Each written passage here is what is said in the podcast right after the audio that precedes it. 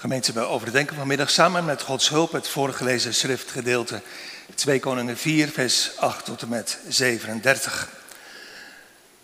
Met Gods hulp, zo zei ik, op zoek naar de letterlijke betekenis van de tekst en ook naar de geestelijke lessen die we uit deze geschiedenis kunnen leren.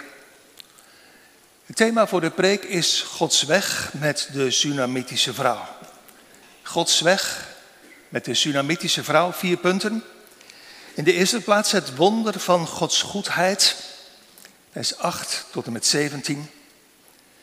Daarna het onbegrijpelijke van Gods weg, vers 18 tot en met 26. Dan als derde de beperktheid van Gods knecht, vers 27 tot en met 31. En als vierde de kracht van het gebed, vers 32 tot en met 37. Dus Gods weg met de Sunamitische vrouw, het wonder van Gods goedheid, het onbegrijpelijke van Gods weg, de beperktheid van Gods knecht en de kracht van het gebed. Beginnend dus met het wonder van Gods goedheid. Het speelt zich allemaal af in een klein dorpje Sunem, 24 kilometer ten zuidwesten van het uiterste zuidpuntje van, de, van het meer van Galilea. En de profeet Elisa, de man Gods, wordt daar gastvrij onthaald. Zo hebben we gelezen door een welgestelde, rijke vrouw, samen met haar man. Niet één keer, maar vaker. Zo vaak dat ze uiteindelijk besluiten om een soort logeerkamer voor hem te bouwen. Waar Elisa, als hij er is, zich rustig kan terugtrekken om te bidden, te werken of uit te rusten. Want ze zijn alle twee erg gesteld op Elisa, op, zo staat in vers 9, die heilige man Gods, die woorden van God tot hen spreekt. Voorbeeldige vriendelijkheid, voorbeeldige gastvrijheid. Laten zich de schrijver van de Hebreeënbrief vergeten het bergzaamheid niet, want hierdoor hebben sommigen onwetend engelen geherbergd. En Elisa, samen met zijn knecht Gehazi, Elisa is er blij mee. Hij wil haar graag belonen. Immers, zo zegt de Heer in Matthäus 10, en het geldt nog steeds, die een profeet ontvangt in de naam eens profeten, zal het loon eens profeten ontvangen. En die een rechtvaardige ontvangt in de naam eens rechtvaardigen, zal het loon van een rechtvaardige ontvangen. Hij wil haar graag belonen. Ja, ze heeft eigenlijk alles al. En ze heeft, zo zegt ze, ook eigenlijk geen hulp nodig om een goed woordje voor haar te doen bij de overheid. Wat Elisa zou kunnen. Ze zegt heel eenvoudig, ik woon in het midden mijns volks. Met andere woorden, ik ben tevreden met wat ik heb. Ik heb gewoon alles. Voorbeeldige tevredenheid. Midden in pijnlijk levensverdriet, want wat blijkt, er is wel iets wat ze mist. Hoewel het erop lijkt dat ze dat verdriet en dat gemis in haar hart begraven heeft. Pijnlijk gemis, wat niet, toen niet, nu niet, wat niet en nooit verdwijnt, wat blijvend is. Gehazi zegt tegen Elisa in vers 14, ze heeft geen zoon. Elisa roept haar, vers 16, en hij zeide, op deze gezette tijd, omtrent deze tijd des levens, zult u een zoon omhelzen. Maar ze kan het niet geloven. En zij zeiden, nee mijn heer, gij man gods, lieg tegen uw dienst mag niet. Maar de Bijbelschrijver gaat onverstoord verder, vers 17. En de vrouw werd zwanger en baarde een zoon op die gezette tijd, omtrent de tijd des levens die Elisa tot haar gesproken had. Want Gods woord, Gods belofte, wordt immer vervuld. Hoe onmogelijk het ook lijkt. God laat nooit een van zijn woorden op de aarde vallen. Maar dan, tweede punt, het onbegrijpelijke van Gods weg. Kind wordt geboren, kind wordt groter. En op een dag, het is oogsttijd, gaat hij naar zijn vader en naar de mais op het veld. Maar het is heet. Vers 19. En het zeide tot zijn vader: Papa, mijn hoofd, mijn hoofd. Hij dan zeide tot een jongen, tot een knecht: Draag hem tot zijn moeder. Hij wordt naar huis gebracht, zit op moeders schoot, tot smiddags. En dan sterft hij. Het voelt als een mini-biografie, een mini-levensbeschrijving in drie versen. Hij wordt groot, hij wordt ziek en sterft. Ooit had ze, de Sunamitische vrouw, geen mensen. Maar wat was ze blij geweest toen ze dit mannetje kreeg. Maar nu maakt die gift, dit geschenk van God, haar meer dan ooit bitter bedroefd. Dit breekt haar moederhart.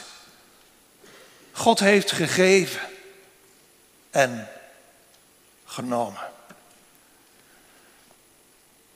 Sommigen, meerdere van ons herkennen dit. Weten meer dan anderen hoe dit is. De gebrokenheid in dit verdriet. En de vragen, de harte vragen die het oproept. Heeft God ons blij gemaakt om ons meer dan ooit pijn te doen? heeft Hij ons opgetild om ons des te harder te laten vallen. Waarom, o God, deze pijn, dit bittere lijden, dit snijdende verdriet in ons vader of moederhart? Waarom, heren, is uw weg zo onbegrijpelijk? Je zou het uitsnikken, toch? Van verdriet. Je zou wezenloos voor je uitstaren, toch? van gebrokenheid. Ja, begrijpelijk. Voor zover je het kunt begrijpen. En toch, gemeente, lezen we van deze vrouw iets anders. Als een voorbeeld om ons midden in zulk verdriet ook de weg te wijzen.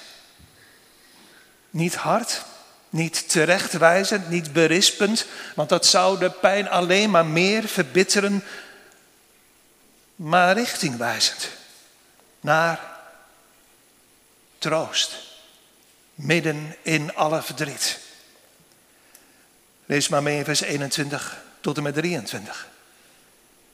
En zij ging op en legde hem, haar jongetje, op het bed van de man Gods Daarna sloot zij voor hem toe en ging uit.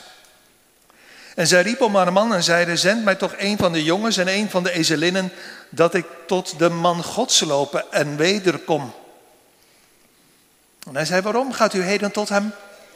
Het is geen nieuwe maan of sabbat.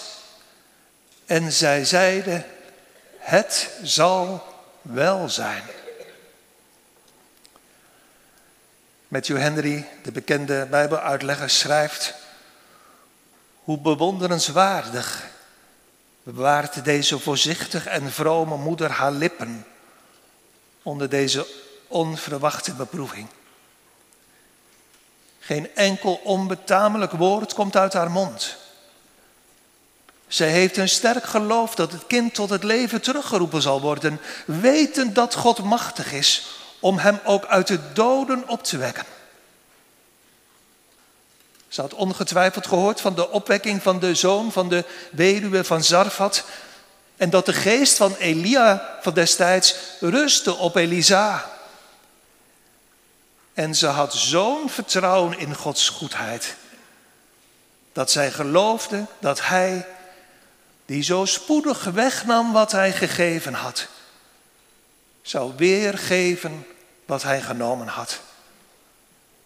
Door dit geloof, schrijft de Hebreeënbrief, hebben de vrouwen haar doden wedergekregen.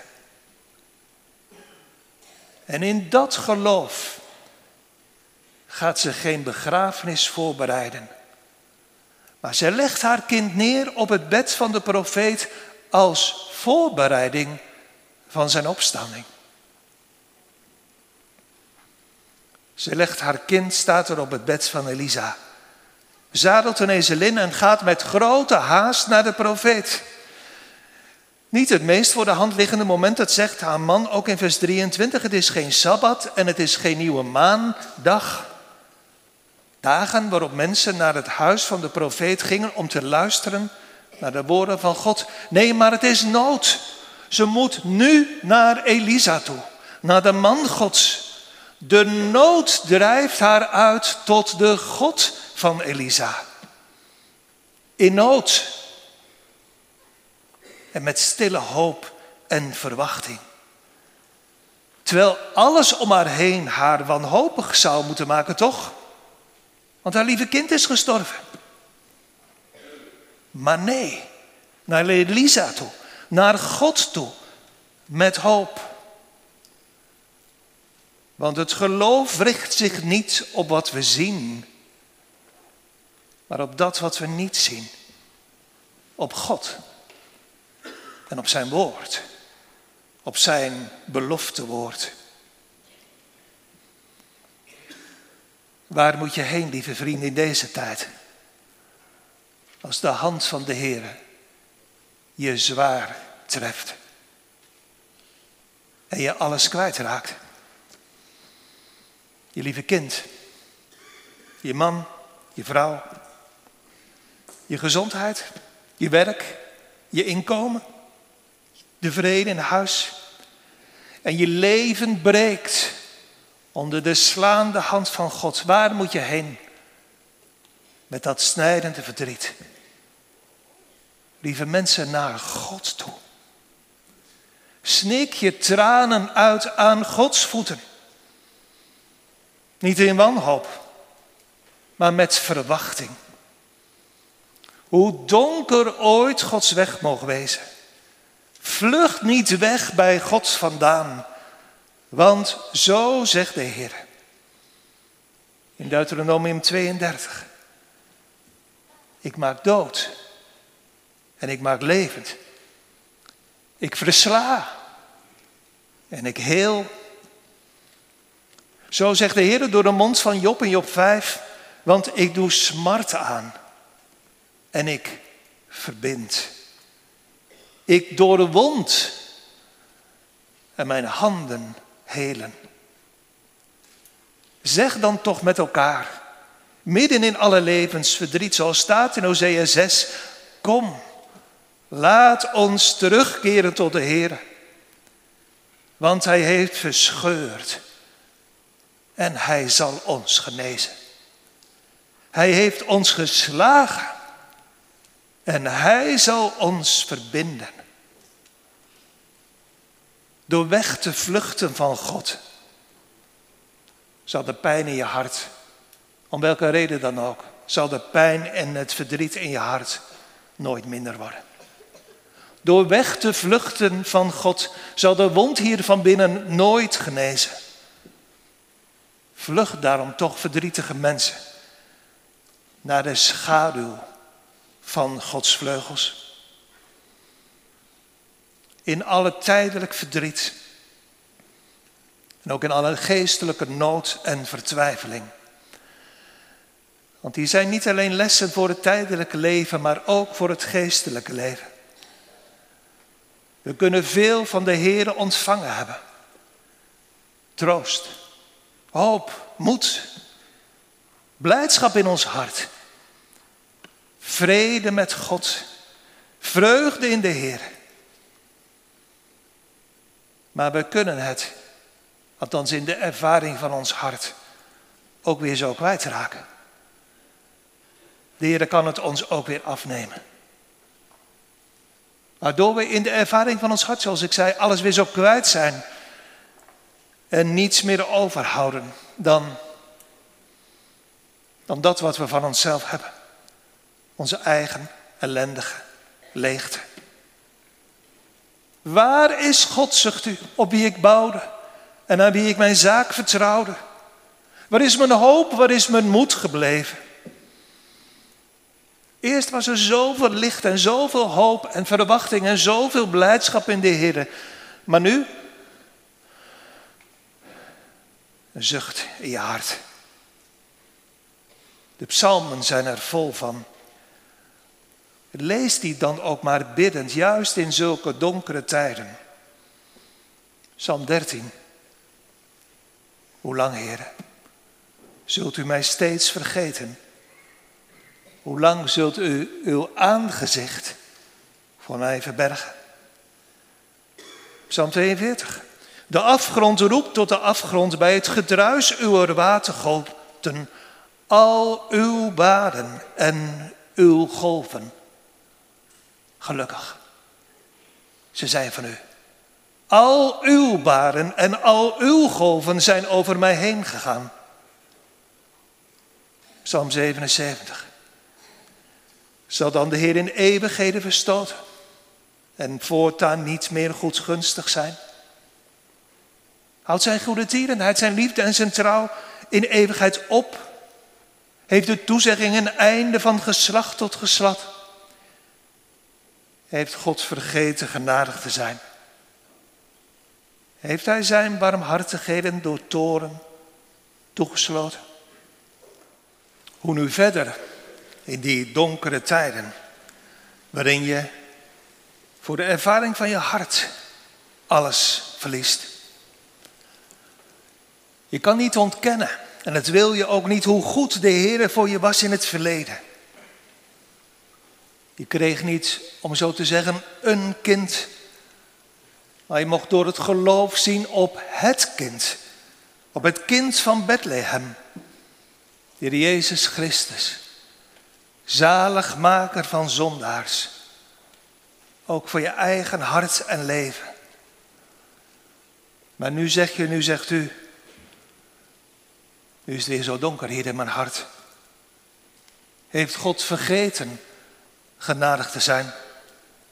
Heeft hij zijn barmhartigheden door toren toegesloten? Hoe verder?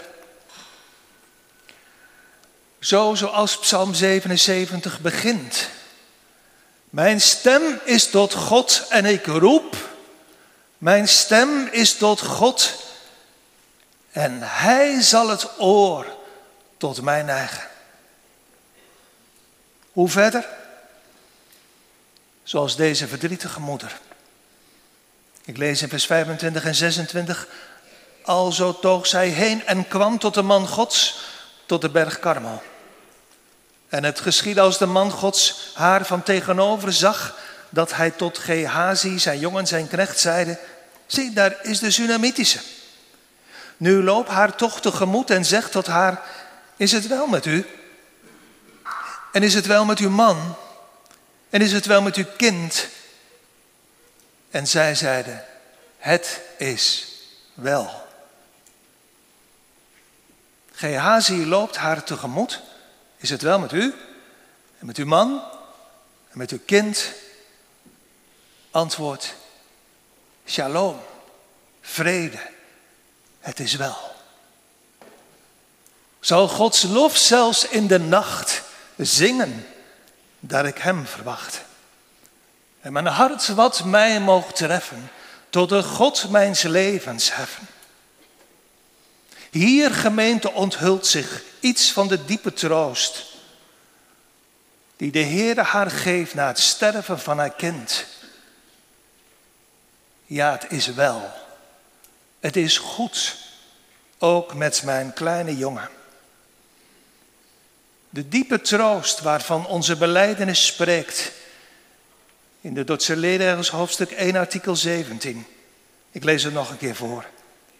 Na de maal wij van de wil Gods uit zijn woord moeten oordelen. Het welk getuigt dat de kinderen der gelovigen, de kinderen der gemeente heilig zijn. Niet van nature, maar uit kracht van het genadeverbond.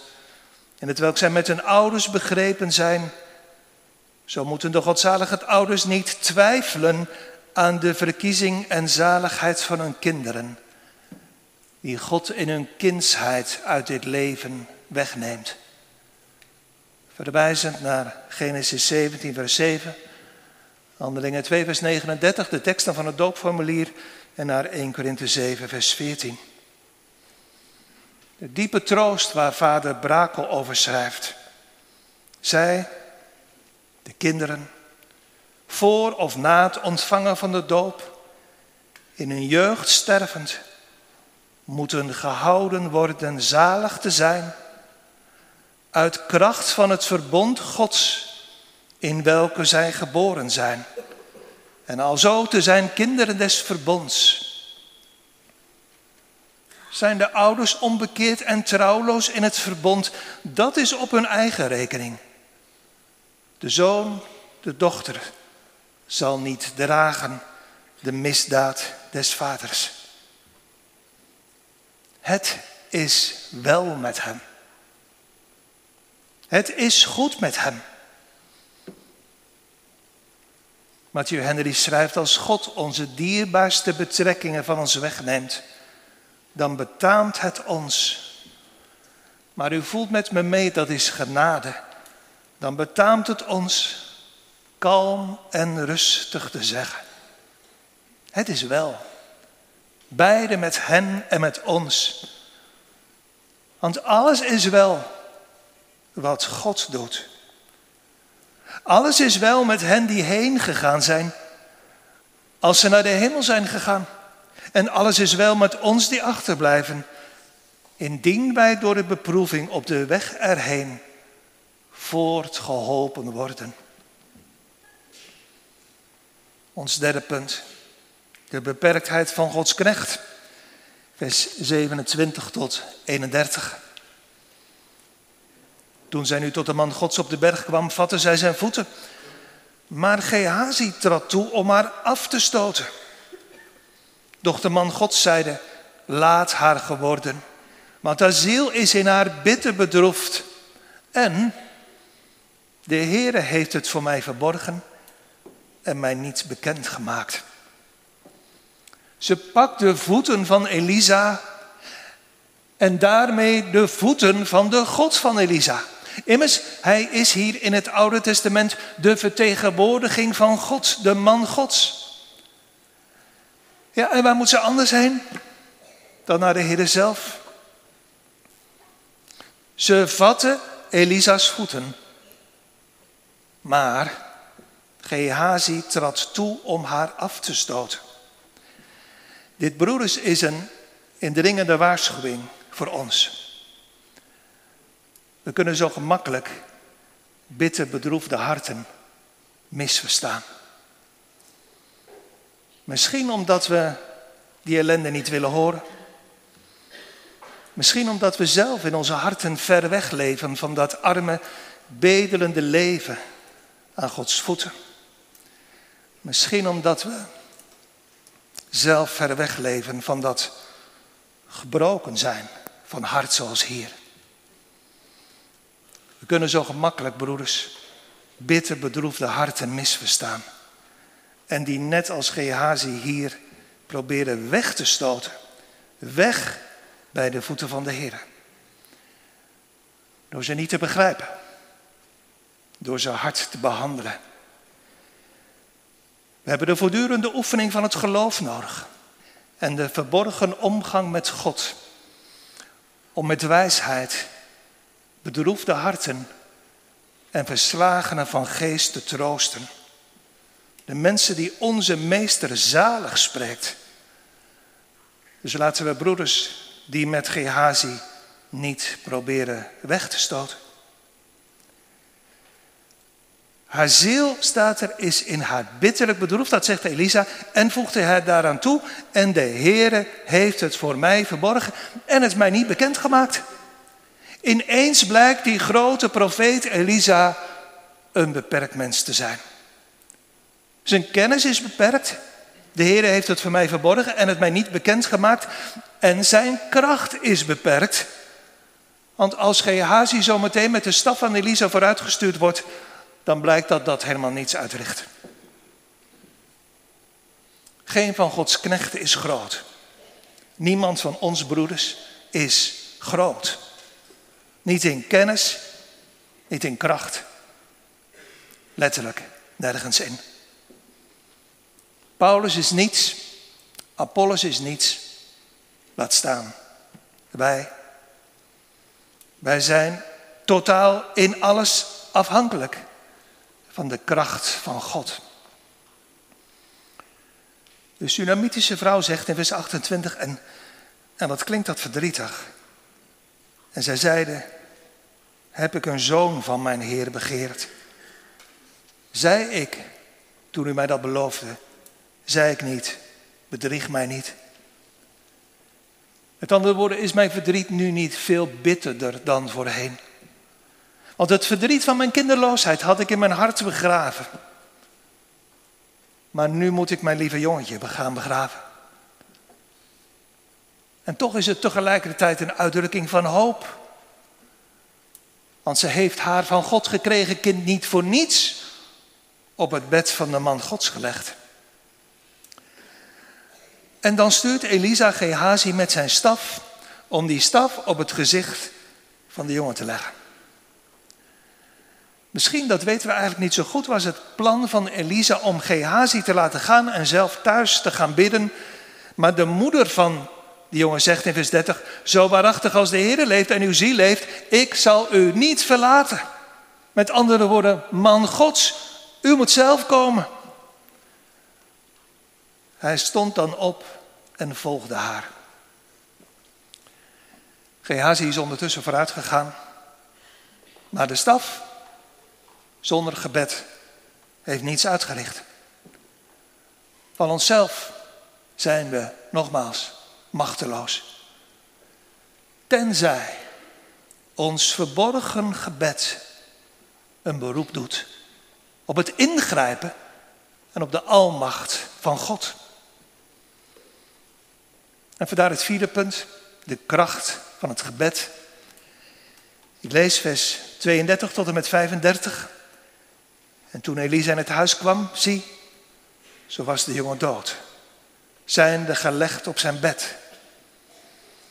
Zo ging hij in en sloot de deur voor hen beiden toe en bad tot de Heer. En hij klom op en legde zich neer op het kind en legde en legde zijn mond op deszelfs mond en zijn ogen op zijn ogen en zijn handen op zijn handen, breidde zich over hem uit en het vlees, het lichaam van het kind werd warm. Daarna kwam hij weer en wandelde in het huis eens herwaarts en eens derwaarts en klom weder op en breidde zich over hem uit. En de jongen niesde tot zevenmaal toe. Daarna deed de jongen zijn ogen open. Het valt opgemeten hoe toegewijd Elisa te werk gaat. Hij bidt, dat is het eerste. Hij bidt om de opwekking van het kind. En dan legt hij zich neer op het kind, alsof hij leven en levenswarmte met hem wil delen. Hij legt zijn mond op de mond van het kind, alsof hij hem levensadem wil inblazen. Het is allemaal een uitdrukking van de ernst van zijn verlangen en van zijn hopen, zijn biddend hopen op Gods ontferming. En dan blijkt zijn gebed stapsgewijs verhoord te worden.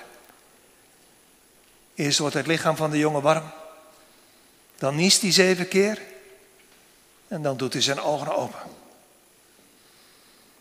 En hij, vers 36, riep Gehazi en zeide, roep de Sunamitische en hij riep haar en zij kwam tot hem. En hij zeide, neem uw zoon op. Zo kwam zij, viel voor zijn voeten en boog zich ter aarde. En zij nam haar zoon op en ging uit.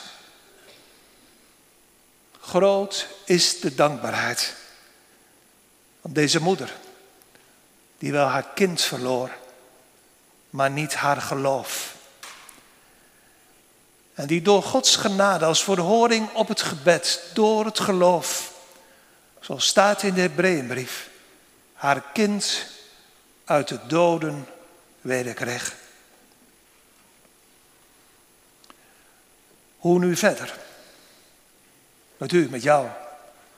In tijdelijke nood, in tijdelijk verdriet. Hoe nu verder? Met jullie, met u. in de geestelijke nood van je hart. Lieve mensen, doe wat Petrus schrijft in zijn brief. Werp al uw bekommernis, al uw zorg op God. Want de Heere is een hoorder van gebeden. Die uitkomst wil en zal geven, zelfs in het diepst van de donkere nacht. Hij alleen.